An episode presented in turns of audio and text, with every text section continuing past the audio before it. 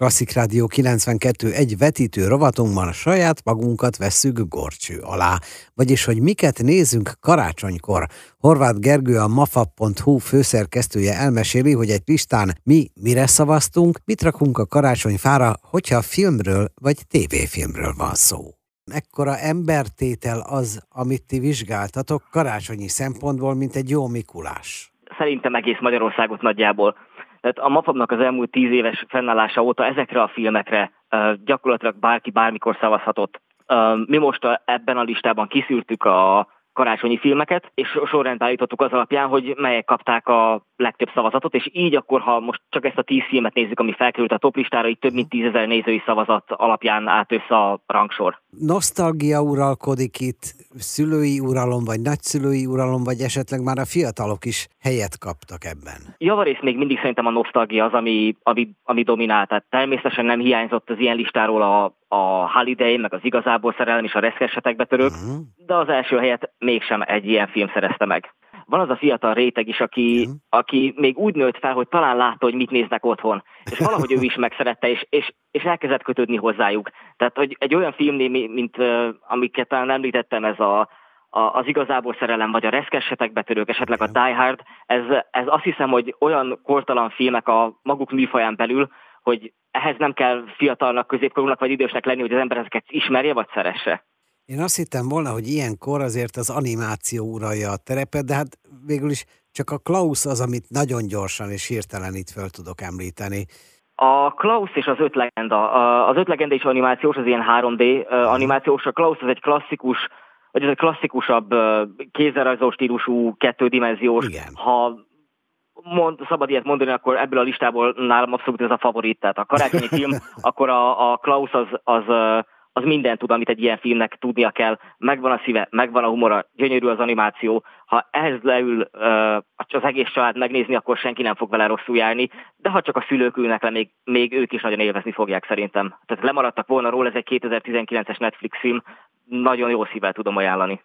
Amikor veled beszélgetek, az olyan, mint hogyha egy hollywoodi producerrel beszélgetnék. Mi a recept ilyenkor? Mit követnek? Itt szerintem egyszerű a dolog különben, hogyha megnézzük, majdnem minden karácsonyi filmre igaz az, hogy a magvában valahol ott van az összetartozás fontosságának a hangsúlyozása. Na most, ha ezt megbolondítod egy kis hóeséssel, meg karácsonyfával és Mikulás sapkás mackókkal, akkor már nem vagyunk messze a definíciótól. És persze most mondhatod, hogy jó, de mégis akkor a Die Hard, a drágán ad az életed, az hogy kerül egy ilyen listának az élére? Lehetne érvelni mellette, hogy azért ez is karácsonykor játszódik, ott van az a romantikus szeretetteljes szál, hogy John McLean, és a, szeretné valahogy a feleségével helyrehozni a kapcsolatát, és így tényleg vannak itt érvek. Csak aztán tudod, elkezdtünk, elkezdhetünk mi gondolkodni, meg definíciókat felállítani, és itt ilyen nagy dolgokról, hogy akkor hogy is van ez a, amikor már megtudjuk, hogy mi van az élet értelmével, meg mi van a, az élettel a halál után, akkor a fontossági sorrendben előbb-utóbb el fogunk oda jutni, hogy el kell döntenünk, ideje lenne eldönteni, hogy a Die Hard az most karácsonyi filme vagy sem.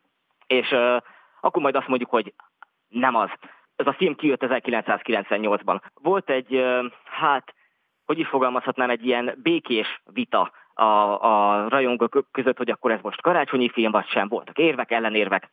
És amikor már 20 éve ment erről a fórumozás, akkor jött Bruce Willis 2018-ban, illetve pontosabban neki volt egy ilyen roast műsora a Comedy Centralon. Ott is szóba került, hogy akkor ez most karácsonyi filme vagy sem. És akkor úgy fogalmazott, hogy a Die Hard nem karácsonyi film, ez egy Bruce Willis film, úgyhogy és itt mondott valamit, amit ezen a helyen nem idéznék legszívesebben.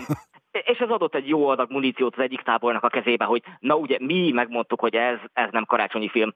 Aztán jött 2020, amikor a rendező a John McTiernan adott interjút, és ez felkerült a, a, az amerikai filmintézetnek a YouTube csatornájára, ahol ő meg elég pontosan fogalmazott, hogy nem annak készítették, amikor írták a forgatókönyvet, amikor forgatták, nem arra gondoltak, de aztán megnézték, és még mielőtt a vita elkezdődött volna, már, már azt mondta rá, hogy ez már pedig mégiscsak egy karácsonyi film. Úgyhogy így került e, e, hozzánk is fel a listára, és ez a vita itt akkor 2020-ban eldőlt. Folytatjuk még a beszélgetést és a filmes karácsonyfa állítást Horváth Gergővel, a mafa.hu főszerkesztőjével.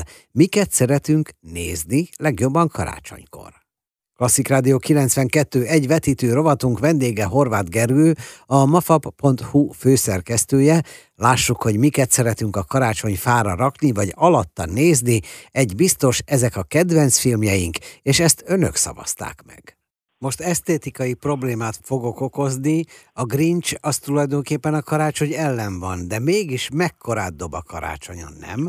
A megfelelő sztorival, ugye, meg, meg, meg Jim Carrey-vel, tehát az a, ez a 2000-es uh, Grinch, ez, ez is ugyanúgy karácsonyi klasszikus nálunk, ez a a tizedik helyen zárt, tehát ott van mégiscsak a legnépszerűbbek között, és ugye kapott is két-három éve egy animációs feldolgozást, ami egyébként szintén nagyon jó lett ott, meg a Benedict Cumberbatch uh, oh. szóltatta meg a, a főszereplőt. Úgyhogy azt is, hogyha a listán nincs, de valaki nem látta, én azt nagyon, nagyon jó szívvel tudom szintén ajánlani. Mondhatnál, itt van a reszkesetek betörők egy jó példa, hogy ez ugye itthon nálunk is elterjedt ez a szlánk, hogy nincsen, vagy ez a, ez a mondás, hogy nincsen uh, karácsony Kevin nélkül, de hogy ez nem csak nálunk van így nem kell messzire menni, szomszédban ott van Lengyelország, ott is 90-es évek óta, vagy a 90-es évek elejétől ugyanúgy leadják minden, minden évben, mint nálunk. És valahogy mindig egyre többen nézték. 2011 volt az az év, amikor 5 millió lengyel ült le megnézni ezt a filmet karácsonykor, ami, ami rettenetesen sok. Tehát az, az még 11-ben is az óriási szám, aztán Nagyon. nem is kell mondanom, hogy abban az évben ez volt a legnézettebb műsor per az összes lengyel tévé. Szóval, hogy e- ez, ez mindenhol, mindenhol nagyon sikeres és arról még nem is beszéltünk, hogy Amerikában mennyire volt ez már a bemutatójakor sikeres, hogy mekkorát, milyen óriási bevételt hozott, hogy Guinness rekordot döntött, hogy három hónapig volt a bevételi topistáknak a, az élén, vagy az első helyezett, ilyen nincsen. Tehát mondom, hogy 12 hét, ez óriási. Ezt azóta nem nagyon sikerült reprodukálni. Talán, talán az Avatar tudott valami hasonlót. És uh, még a következő év júniusában is benne volt a top 10-ben, tehát a, amit a hétvégén a legtöbben néztek a mozikban. Úgyhogy ha egy karácsonyi film betalál, akkor az ott marad, és az, az, az velünk fog maradni évtizedekig. Van-e különbség nagyon az amerikai és az európai karácsonyi filmek között? Ha megnézed nálunk is itt a listát, gyakorlatilag itt mindegyik, szinte mindegyik film az, az amerikai film. A magyar film például ugye nem került be. Európai film sem igazán. A Hollywoodban azért erre, ennek a, a receptjére úgy valamennyire ráéreztek, hogy tudják, hogy hogy kell csinálni, egy-kettő, meg hogy azért tudhatjával jönnek évente a filmek. Tehát ha most azt mondom, hogy itt van itt tíz klasszikus, akkor az elmúlt 30 évből a, beszéltünk talán 4-500 karácsonyi filmről is, abból, Bizony. hogy ennyit, ennyit ki tudunk emelni, és ennyit meg tudott szeretni a közönség, még azt is mondhatnám, hogy lehet, hogy, lehet, hogy nem is a receptet tudják, hogy, hogy ez csak a nagy számok törvénye, de lehet, hogy erre még kell egy-két évtized, hogy kiderüljön pontosan. Te mivel foglalkozol karácsony környékén? Mit nézel, hallgatsz, vagy abszolút elhárítod magadtól ezt a műfajt? Már elég volt már a 365 napon keresztül.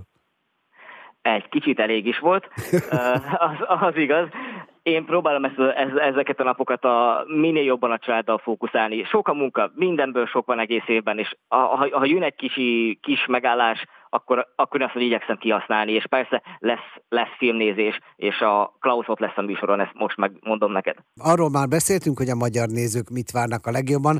Te mire számítasz itt az év elején, mint duranás? Dűne kettő. Ugye beszéltünk igen, igen. erről legutóbb, hogy uh, idén novemberben ez elmaradt, uh, jövő tavasszal jövő tavasszal jön. Nagyon ígéretesek a, a, azok a kiszivárgott információk, amik a, fi, amik a filmről érkeznek. Pont a napokban nyilatkozott a rendező Denis Villeneuve, hogy, hogy ez egy, míg az első ez egy picit meditatívabb volt, a, a második az rajta lesz ez a vonalon, de sokkal, sokkal több akciót, vagy sokkal több tempót, így mondanám, uh, fog belevinni a filmbe, ami szerintem egyébként a, a, a Dűne egy jó volt, de nem fog átni egy folytatásnak, hogyha nem, nem pont ugyanazt viszi tovább. Uh, azt mondom, hogy ez nem csak a tavasz, de az év egyik legnagyobb duranása is lesz ez. Mindenképp érdemes lesz megnézni szerintem. Akinek bejut az első rész, annak abszolút. Tessék tehát készülni a 2024-es évadra, előtte azonban beiglivel és pulykával végig élvezni és végignézni az összes kedvenc filmet. A kedvenc karácsonyi filmekről beszélgettünk tehát Horváth Gergővel, a mafab.hu főszerkesztőjével.